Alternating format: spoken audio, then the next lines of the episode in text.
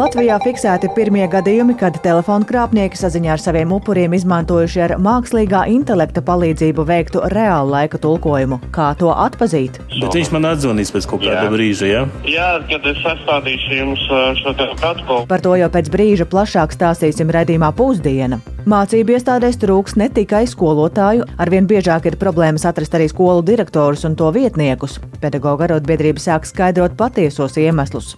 Un saimā spriež, kā valsts finanšu institūcija Altumu vislabāk pārveidot par banku, lai tā radītu konkurenci pašreizējām komercbankām. Arī par to jau tūdaļ plašāk redzījumā pusdiena.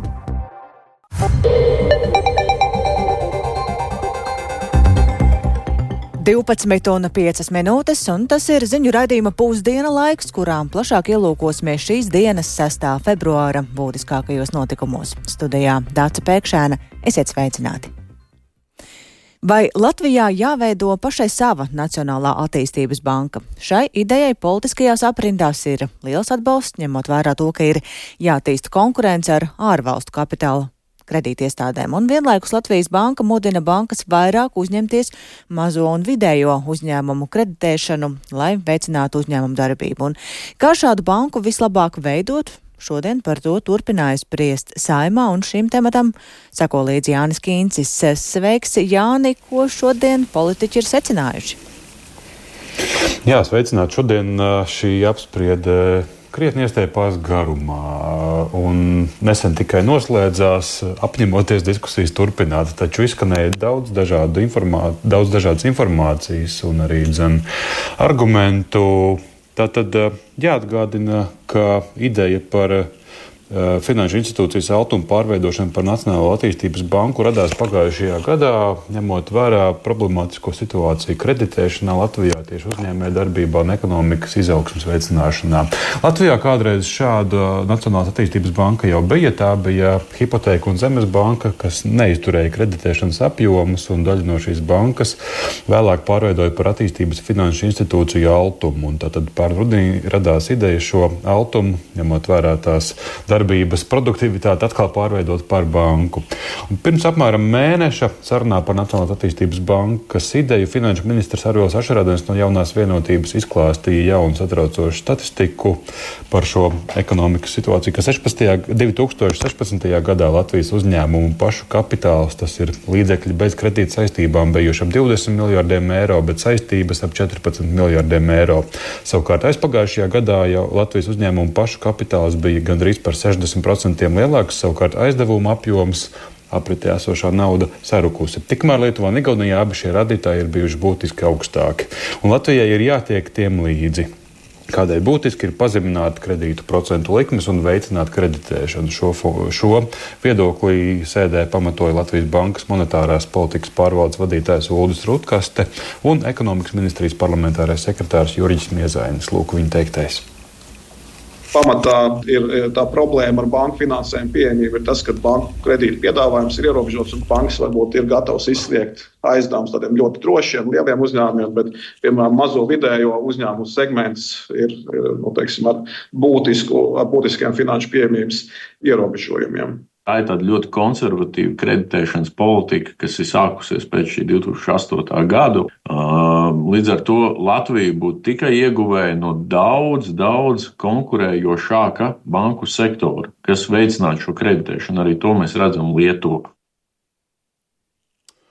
Lūk, tas, ko šobrīd dara Altuma, attīsta dažādas atbalsta, aizdevumu garantiju programmas. Savukārt, nu, nevar iejaukties kredit, kreditēšanas jomā, piemēram, pārfinansējot kādus banku izsniegtos kredītus.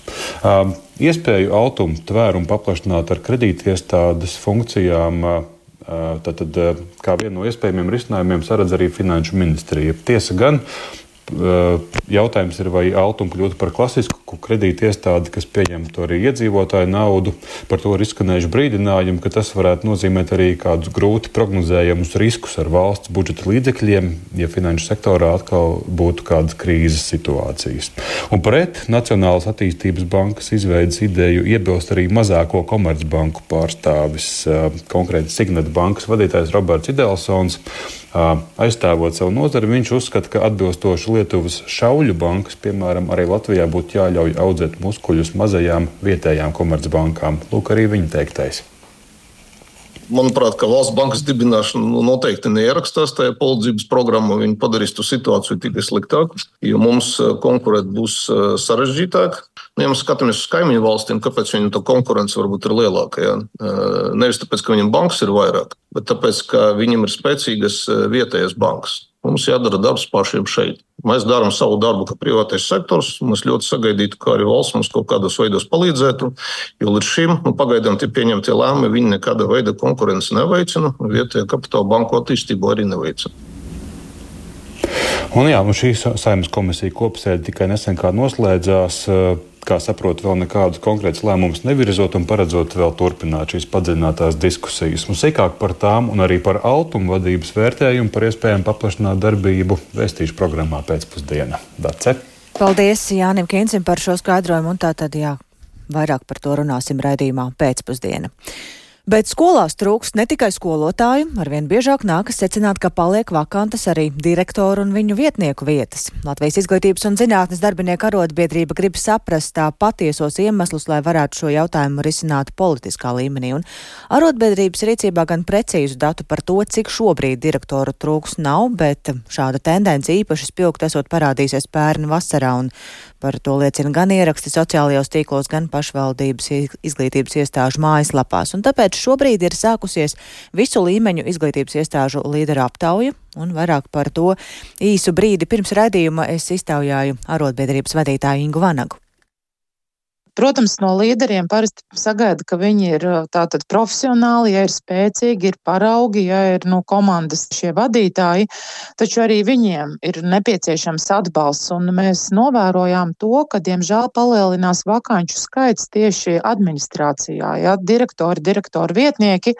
Un ņemot vērā, ka arī mums biedri ļoti daudz direktori arotbiedrībā, tad mēs nolēmām pētīt arī, kā viņi jūtas, ja, kāda ir šī bosinga mobbinga problemātika, kāds ir atbalsts viņiem pašiem kolektīvā, ja vai to izjūt vai no dibinātāja, no ministrijām, no pašvaldības, no pašvaldību institūcijām, kā viņi redz savu profesionālo autonomiju, ar kādām problēmām viņi saskarās, riskiem, kādu atbalstu viņi vēlētos saņemt, kas ir jāuzlabo.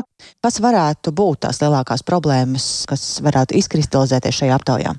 Tās sākotnējās ir, protams, saistīts ar birokrātisko slogu, tad arī ar finansējumu jautājumiem, ar pārmaiņām, kuras viņi ir spiesti jā, amortizēt, īstenot. Viņi ir šie pārmaiņu īstenotāji kopā, un nereti vien uz, uz viņiem ir pārāk liels sloks, jo nav uh, pietiekami savlaicīga informācija vai atbilstoši resursi, ne tikai cilvēku resursi. Nu, tās ir tādas, jā, pagaidām, kas iezīmējās, ja tādas uh, problēmas arī par savu profesionālo pilnveidu viņi vēlētos saņemt lielāku atbalstu un kursus, vai tas būtu par juridiskiem jautājumiem vai par projektu, ja kādu koordinēšanu, vadīšanu. Tā kā pagaidām šie ieskicējās. Un tad tālāk ar šiem rezultātiem, ko tālāk darīsiet? Iesiet uz valdību, ministriju? Jā, aptaujas rezultātus mēs prezentēsim, un tāpēc mums bija svarīgi apzināt, kāds atbalsts un jautājumi būtu jārisina sadarbībā ar pašvaldībām, kas būtu jārisina ar izglītības zinātnes ministriju, kā nozares politikas veidotāju, kas būtu jāmaina varbūt eh, normatīvajos aktos, likumos, ja, un tad ņemot vērā, kādas problēmas norādīs, eh, tad arī mēs vērtēsim, eh, nu, kurā līmenī, ja kāds jautājums ir šķetināms. Un tāpēc mums ir svarīgi, lai viņi iedod to realitātes sajūtu, jo līdz šim mēs no līdzda neesam pētījuši tieši līderu, ja šo lomu, bet ja mēs redzam šo tendenci, ka viņu sāk trūkt, ka viņi profesionāli izdeg un ir ilgstoši vakances uz administratīvo, nu tātad šīm viet, no vietām, un ja mēs zinām, kāda ir līdera, ja skolas vadītāja loma, tad mēs uzskatām, ka jau bija krietni ātrāk, varbūt pat jāveic šis pētījums, lai savlaicīgi viņus atbalstītu, lai viņus nepazaudētu, jo viņu vadībā tiešām ieļo viņu darbības, viņu komandas vadības stila, kopīgās sadarbības ir atkarīgs, cik sekmīgi īstenosies pārmaiņas, par kurām lemj nacionālā līmenī un pašvaldības līmenī. Viņi ir praktiskie pārmaiņu realizētāji, un tāpēc arī viņi ir jāatbalsta.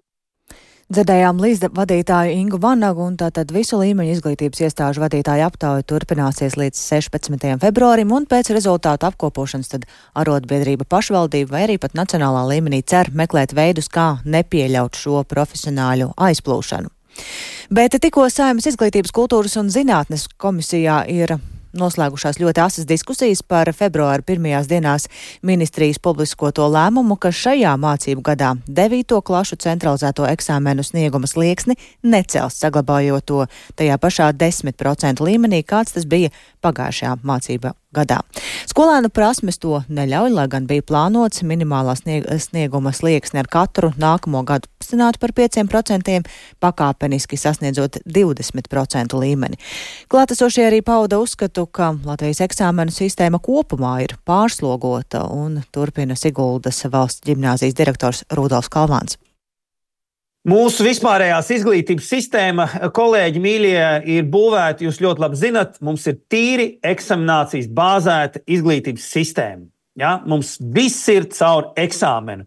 Un tagad pajautājam katram savam kolēģim, te bijušie direktori un tā tālāk. Ja nebūs eksāmens, tad manu priekšmetu nemācīsies. Ja nebūs eksāmens, ko saka lobby, darba devēji, ja, ja nebūs eksāmens, tad tauta degradēsies. Nebūs darba spēka, neviens nemācīsies, atzīmes būs uz leju, visi slinkos. Ja? Tātad faktiski eksāmens kā disciplinē, skolēnu un pedagoģu disciplinējošs instruments. Tagad mēs pārslogojam to sistēmu, mēs vēl paņemam, ieliekam 9. klases, ok. Jāpiebilst, ka vidējās izglītības posmā 12. klašu centralizēto eksāmenu slieksnis šajā mācību gadā ir 15%, un tad vairāk par centralizētajiem eksāmeniem, kas ir gaidāmi jau pēc trim mēnešiem. Klausieties redzījumā pēcpusdienā. Politiķi šodien apspriež arī labklājības ministrijas ziņojumu par bērnu stāvokli Latvijā, un tajā ir secināts, ka pret bērniem joprojām tiek pastrādāts daudz noziegumu. Turklāt pēdējos gados šī situācija būtiski neuzlabojas. Laikā no 2018. līdz 2022. gadam no noziedzīgiem nodarījumiem cietuši vidēji vairāk nekā pustūkstotis bērnu gadā.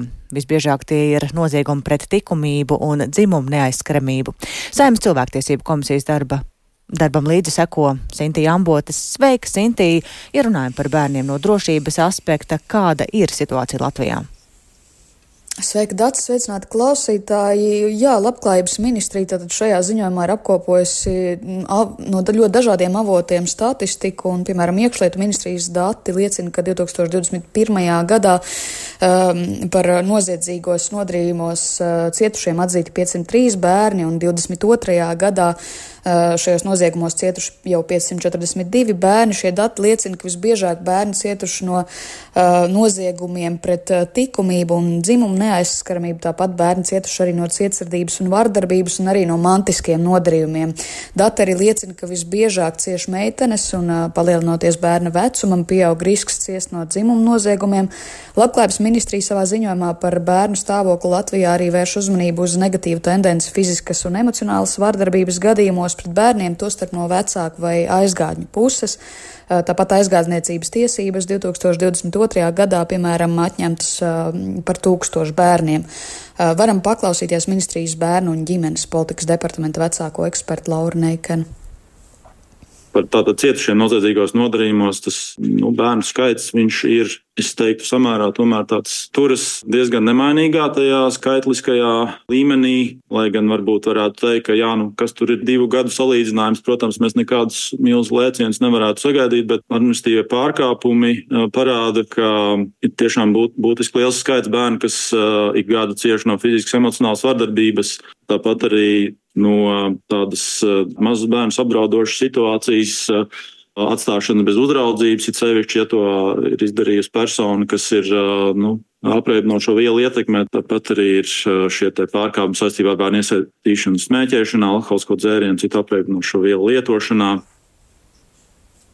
Vienlaikus šajā ziņojumā norādīts, ka pēdējos gados ir samazinājies pašu nepilngadīgo paveikto noziegumu skaits no 533 līdz 510 personām. Tad neliels kritums ir, bet joprojām redzams, ka bērni iesaistās gana daudzos noziegumos. Bērni arī ieslodzījuma vietās nonākuši kopumā 23 nepilngadīgie un vēl gadu iepriekš tie bija 27.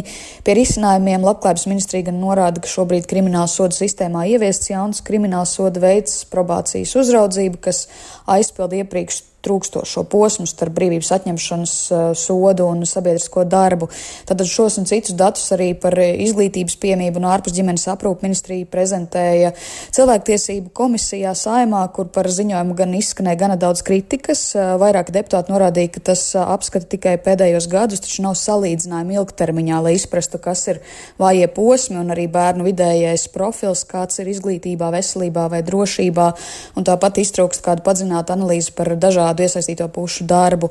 Arī nodibinājuma centrs darbdedze pārstāve Anda Avene vērs uzmanību, ka izstrādātais dokuments nesniedz svarīgākās atbildes, turklāt trūks dažādu institūciju dati. Varam paklausīties Avenes teikto ilgtermiņa tendences mēs no tā nevaram e, izcicināt. Un um, vienkārši vērš komisijas uzmanības to, ka šobrīd katra sistēma dzīvo savu dzīvi.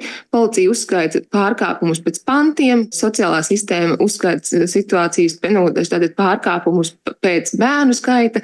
Mēs pat nevaram nu, īsti izsacināt, cik bērnu ir cietuši, piemēram, no vardarbības, jo mēs, nu, mums nav uh, informācijas par to, cik unikālie bērni ir dažādās sistēmās iekļauti. Un es aicinu arī komisiju sekot līdzi tam, kā veiksies ar vienotas datu monitoringa sistēmas izveidi un par kuru, tāpat kā no vienota ziņojuma, mēs varam izdarīt secinājumus gan par konkrētā bērna situāciju kopumā, gan arī par situāciju Latvijā. Vēl jāpapildina, ka vērtēt statistiku par to, kādas personas visbiežāk veic vardarbību pret bērniem, kuri ir saņēmuši šajos pēdējos gados sociālo rehabilitāciju, tad visbiežāk vardarbību bērni piedzīvojuši tieši ģimenē, un Saimnes cilvēktiesību komisija diskusijas noslēgumā norādīja, ka jautājumu turpinās skatīt arī citās sēdēs. Dace? Paldies Sintējai Ambotei. Tātad, diemžēl, neuzlabojas pret bērniem pastrādāto noziegumu situācija un to nes, skaits nesamazinās. Bet um, šobrīd par to, ka nemierīga situācija saglabājas tuvajos austrumos. Izraela paplašina militārās operācijas Gazas joslas dienvidos un apgalvo, ka karš pret teroristu grupējumu Hamas varētu beigties tuvākajos mēnešos. Tikmēr ASV valsts sekretārs Antonijs Blinkens kārtējo reizi apmeklē reģiona valstis, lai panāktu drīzāku kara pārtraukšanu un runātu par Gazas nākotni. Bet Irānas sabiedrotie turpina uzbrukumu uzbrukumus ASV militārajām bāzēm Sīrijā un Irākā, un vairāk par jaunākajiem notikumiem tuvojos austrumos pastāstīs kolēģis Uldis Ķēzberis. Sveiks, Uldi! Kāda ir situācija Gazas joslā gandrīz nu, četrus mēnešus pēc kara sākuma? Jā, Izraēlas uh, armijas operācijas uh, pašlaik koncentrējas galvenokārt Gazas uh, pirms kara otrajā lielākajā pilsētā Haņūnisā, tas ir joslas dienvidos. Un, uh, tur joprojām atrodoties liels skaits Hamas teroristu un aizvadītās diennakts laikā esot nogalināti vairāki desmiti Hamas kaujinieku, bet vēl 80 ir notverti. Izrēlieši pakāpeniski virzās tuvāk arī Rafahas pilsētai, kas atrodas uh, pašos, pašos Gazas dienvidos, un Izraēlas aviācijas triecienos Rafahas tūmā aizvadītajā naktī esot nogalināti vismaz 99 cilvēki. Tā apgalvo Hamas kontrolētā Gazas veselības ministrija.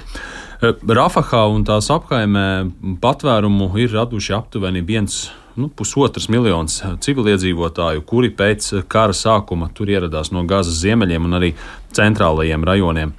Eh, tāpēc ir bažas, ka pastiprinoties Izraēlas operācijām Rafahā, strauji pieaugs jau tā milzīgais bojāgājušo un ievainoto skaits un arī padziļināsies humanitārā krīze. Izraels premjerministrs Benjamins Netanjahu vakar paziņoja, ka karš eh, turpināsies tik ilgi, kamēr nebūs iznīcināta Hamas militārā vadība. Viņš prognozēja, ka šī mērķa īstenošanai nevajadzēs gadus, bet mēnešus. Nu, tas, eh, protams, ir mazāk nekā Netanjahu prognozēja iepriekš, ka karu var nākties turpināt līdz pat 2025. gadam. Savukārt Izraels aizsardzības ministrs eh, Jāvis Galants paziņoja, ka līdz šim ir izdevies nogalināt vai nopietni ievainot pusi no Hamas teroristiem. Viņš gan nenosauca konkrētus skaitļus, taču iepriekš izrēlieši apgalvoja, ka nogalināti ir vairāk nekā desmit tūkstoši Hamas kaujinieku Gazā. Un Galants arī apgalvoja, ka Hamas līderis Gazā Jahjas Sinvars pašlaik bēguļo. Sinuāra no Sinvars dodas no slēptuves uz slēptuvi un nespēja sazināties ar saviem padotajiem. Sinvars vairs nevada savus spēkus. Viņš ir aizņemts ar paša izdzīvošanu. No Hamas līdera viņš ir kļuvis par bēgošu teroristu, un Izraēlas drošības spēki turpina viņu vajāt virs zemes un zem zemes. Jā, no Izraēlas līderu izteikumiem var secināt, ka nu, viņi vismaz pagaidām nav gatavi tuvākajā laikā piekrist kaut vai īslaicīgai uguns pārtraukšanai. Bet turpinās centieni diplomātiskā ceļā izbeigt karu. Jā, tuvajos austrumos ir ieradies ASV valsts sekretārs Antonius Blinkens, kurš reģionu apmeklē jau piekto reizi kopš kara sākuma oktobrī. Blinkena vizītes mērķis ir panākt vienošanās par humanitāro pauzi kara, darbīga, kara darbībā Gazā, kuras laikā varētu atbrīvot visus Hamas nolaupītos izrēliešus un arī sniegt humano palīdzību Gazas civiliedzīvotājiem. Vakar Blinkens viesojās Saudārābijā, bet šodien viņš ieradās Kairā, lai tiktos ar Ēģiptes prezidentu, bet vēlāk jau viņš dosies uz Kataras galvaspilsētu Dohu. Un ASV cer ar uh, Saudārābijas, Kataras un Ēģiptes palīdzību pēc kara beigām uh, atjaunot Gazu un arī izveidot neatkarīgu palestīniešu valsti.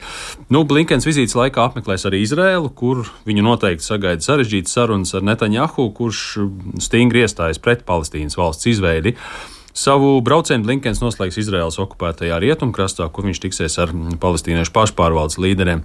Nu, vēl viens Blinkena vizītes mērķis ir apliecināt ASV vēlmi samazināt spriedzi tuvajos austrumos, ko ir pastiprinājuši gan Jemenas hutiešu nemiernieku uzbrukumi kuģiem Sarkanajā jūrā, gan Irānas sabiedroto uzbrukumi ASV militāriem spēkiem tojos austrumos. Un vēl vakar drona uzbrukumā ASV karabāzē Sīrijas austrumos nogalināja vismaz sešus kurdu karavīrus no Sīrijas demokrātiskajiem spēkiem, kas ir um, ASV sabiedrotie cīņā pret teroristu grupējumu Islāma valsts. Nu, un ASV jau ir paziņojušas, ka turpinās trieciens pa šiem Irānas atbalstīto grupējumu pozīcijām Irānā un, Irākā un Sīrijā, kamēr nu, nebeigsies šie uzbrukumi amerikāņu spēkiem. Paldies Uldim Česberim, un vēl runāsim par to, ka līdz ar tehnoloģiju attīstību attīstās arī telefonu krāpniecības veidi. Krāpnieki ar mākslīgā intelekta palīdzību nu jau spēja nodrošināt arī zvanus, kur sarunas tekstu tulko tieši zvana laikā. Tā vēsta mobilo sakaru operators Bite, kura darbinieks nesen saskārās ar šādu veidu telefonu zvanu un plašāk par situāciju ir interesējusies un zina stāstīt kolēģi Agnija Lazdiņa. Sveika, Agnija, izstāsti vairāk, kā tas īsti notiek. Labdien! Tātad, atrodoties darbā, bija darbinieks saņēma zvanu no telefona krāpnieka, kas sarunā stāstīja par to, ka ir noplūduši personas bankas dati. Un krāpnieks runā ar zvana saņēmēju savā dzimtajā valodā, kas visdrīzāk ir citas valsts valoda, un ar mākslīgā intelekta rīku palīdzību nodrošina reālaika tulkojumu raitai sarunai latviešu valodā. Un, kā skaidro Bita iekšējās drošības procesu vadītājs Rēnis Pudāns, kolēģiem ir minējis, ka saņemot šāda veida zvanus, darbiniekiem ir jādodas pie viņa, lai sarunu varētu gan ierakstīt, gan arī sarunas laikā jau uzdot specifiskus jautājumus, kas tad ļautu jau zvana laikā noprast, vai šis zvanītājs ir vai nav krāpnieks. Un uh, tagad paklausīsimies fragmentu no šīs telefona sarunas, kur uh, bija darbinieks sarunājās ar šo telefonu krāpnieku, un tajā dzirdēsiet, ka balss izklausās visai dabiski, tomēr dažbrīd vārdus ir grūtāk saprast, tostarp arī starp atbildēm ir nelielas pauzes un ne visur atbildes šķiet šķiet līdz galam sakarīgas. Nu, labi, paldies par zvanu, Jā. par brīdinājumu. Ja no manis vairāk nekas nav vajadzīgs, tad. Uh, nē, protams, man nav vajadzīgs. Tātad mēs sasniedzam joprojām šos uh, protokolu priekš bankas drošības speciālistu, kurš mums uh, piesprādzināts būs no mūsu puses, kurš vēl pārbaudītu speciālistu un kurš ir saskaties ar šādu veidu situāciju. Skaidrs. Viņš jums sniegs plašāku informāciju un palīdzēs atklāt visas pretimīgās darbības, kuras ir veikuši šī persona. Bet viņš man atzvanīs pēc kaut kāda Jā. brīža, jā? Jā, kad es sastādīšu jums uh, šo protokolu, vai nu es arī ar viņu savienošu caur savu līniju, tāpēc, ka mums arī audio ierakstu vajag no viņa puses. Pārbaudot zvanu, konstatēts, ka tas ir ģenerēts zvans, un kas par to liecināja, paklausīsimies uh, Bita iekšējās drošības procesa vadītāja Reina, Reņa Pudāna skaidrojumu. Pirmais, mēs redzējām, ka bites numurs zvana bites numuram, tad mēs pārbaudām savā tīklā un redzam to, ka uh, tas nav īsts zvanītājs, bet tas ir ģenerētājs. Tāpēc arī uzreiz pilnībā varam saprast, kas ir krāpniecisks zvans. Un nākamais, no pēc tam izanalizējot visu to zvanu, ka redzam to, ka tur ļoti daudz ir pauzes, kas bieži vien, kad, ja mēs izmantojam Google Translate vai kaut kādu citu tulkotājs, bieži vien tādu masīvu apjomu tekstu uzreiz viņš neiztulko. Tāpēc ir tā pauzīte pirmkārtām, un tad tiek iztulkots tas eh, teksts. Un arī bieži vien mēs redzam, ka nesakarīgi atbild. Tā kā tas tulkojums arī ne līdz galam viņiem ir iet cauri. Viņi iespējams varbūt runā savā valodā korekti, bet uz latviešu valodu viņš neiztulko precīzi. Budāns arī norāda, ka arī bita klienti ir vien vairāk ir vērsušies, sakot, ka šādi zvani ir un parādās ar vien biežāk, bet par to, kā tie tiek, veid, tie tiek veidoti un un to, kā to var risināt, par to plašāk programmā pēcpusdienā. Paldies Agnijai Lazdiņai. Es tikai piebildīšu, ka drošība ir jāievēro arī internetu vidē. Šodien gan Latvijā, gan daudz vietā pasaulē atzīmē drošāku internetu dienu, kuras laikā tad rīko dažādus izglītojošus pasākumus un aktivitātes, skaidrojot, kā sevi pasargāt. Izskan raidījums pusdiena, ko veidojam mēs, Dāca Pēkšēna, Ilza Agīnta, Kaspars Groskops un Inese Štrāla.